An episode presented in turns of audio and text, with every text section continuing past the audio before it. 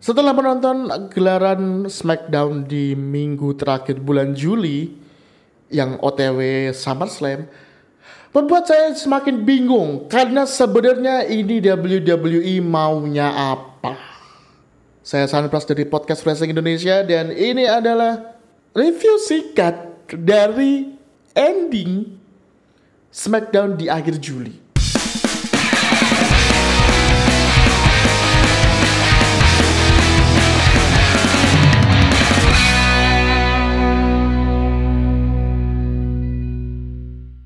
Buat kalian yang mulai ngikutin Smackdown lagi semenjak uh, penonton balik lagi, mungkin akan senang ketika pada gelaran uh, Money in the Bank kaget. Ketika wah John Cena returns dan menantang Roman Reigns.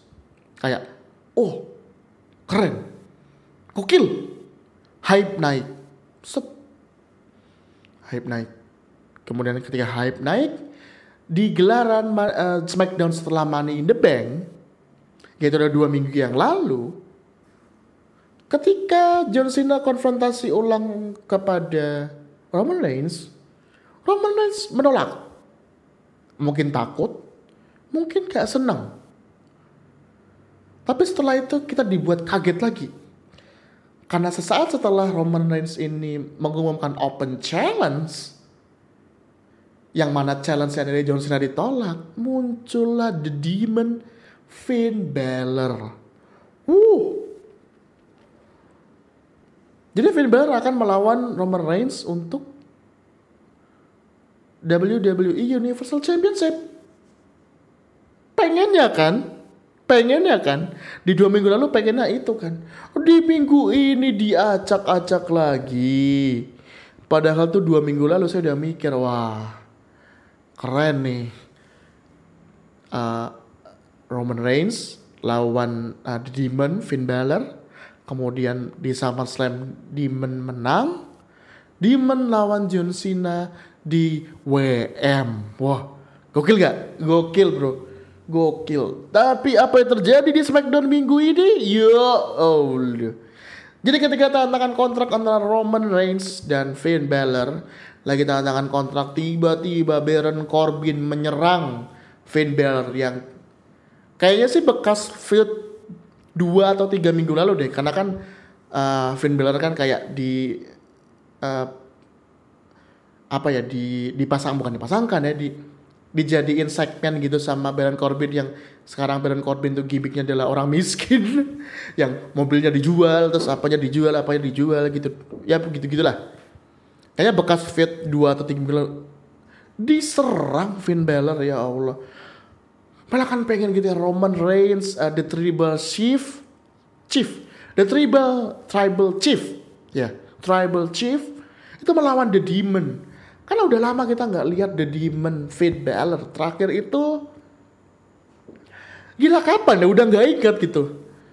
Semenjak dia returns ke NXT kemudian dapat title NXT kemudian lepas title NXT, balik lagi ke main roster Raw dan SmackDown, gak ada, gak gak pakai demon lagi gitu. Pengen gitu nonton uh, Finn Balor pakai demon lagi. Ketika Baron Corbin nyerang Finn Balor, John Cena ngambil kesempatan untuk tanda tangan kontrak. Ini ngebuat banyak fans WWE kecewa karena ini maunya apa? Iya sih kita minta uh, jalan cerita tuh yang tidak ketebak. Cuman kan tidak ketebak dalam konteks bagus. Kenapa jadi busuk gitu loh? Aneh. Nggak ngerti lah. Ini kan maksudnya yang jadi concern uh, para penikmat WWE karena banyak ah, banyak bukan banyak bukti ya bahwa ada anggapan tuh cerita WWE itu buruk banget gitu. Berbanding terbalik sama mungkin kayak ceritanya AEW bahkan untuk sekelas Impact Wrestling pun mungkin ceritanya alur ceritanya akan lebih bagus. Karena pada dasarnya kalau mungkin kalian belum tahu sudah pernah terungkap bahwa penulis WWE itu bukan penikmat gulat. Gila nggak bukan penikmat WWE. ada yang dari penulis naskah film, ada yang dari penulis naskah sinetron, ada yang dari penulis, penulis naskah series, ada yang dari penulis naskah biasa. Bahkan beberapa waktu lalu tuh kalau mungkin kalian cari beritanya itu muncul berita bahwa seorang penulis WWE dipecat karena ngomong di stasiun berita Amerika kalau dia aja nggak apal sama pemain WWE. gimana ya maksudnya? Kok kalian bisa kok kan bisa sih nulis skrip nulis skrip sama orang buat orang yang orangnya kan nggak kenal gitu. Maksudnya gimana loh ot, ot, ot, otaknya tuh gimana gitu kalau misalkan bikin skrip kan dia harus tahu oh si ini tuh karakternya begini begini begini begini begini. Oh kalau mau bikin John Cena John Cena begini begini begini. Jangan main asal-asal gitu-gitu aja dong. Kan kita kan jadi pusing ngeliatnya. Maksudnya produksi setaraf internasional tapi kualitas setara film azab Indosiar gitu yang ya gak tau kok bisa kepikiran begitu sungguh plot twist. Kok bisa sih? Maka tolonglah ini AEW udah mau ngejar kalian dari segi kualitas dari segi pem pemanfaatan sumber daya manusia dari segi uh, deliver sebuah acara sampai sedikit um, menuju ke batas-batas yang mungkin WWE itu nggak berani untuk ke sana. Ayolah, masa keep up lah. Ini jangan jangan cuman jangan cuman jadi karena mentang-mentang nomor satu jadinya sampah gitu. Tolonglah, dibenarkanlah storyline-nya nih. Kita masih tunggu sampai SummerSlam uh, Agustus ini, kemudian nanti kita tunggu Royal Rumble di awal tahun dan April tahun depan itu WrestleMania. Jadi kita tunggu gimana. Saya sih berharap bakal bakal jadi lebih oke okay gitu, bakal jadi lebih mantap gitu.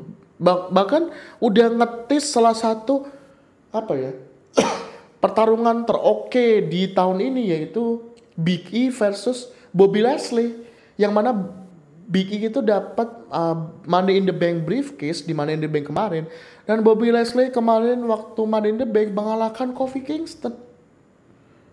Jadi kita kan menunggu banget ada pertarungan pertarungan ini loh yang udah diantisipasi lama oleh para penikmat WWE.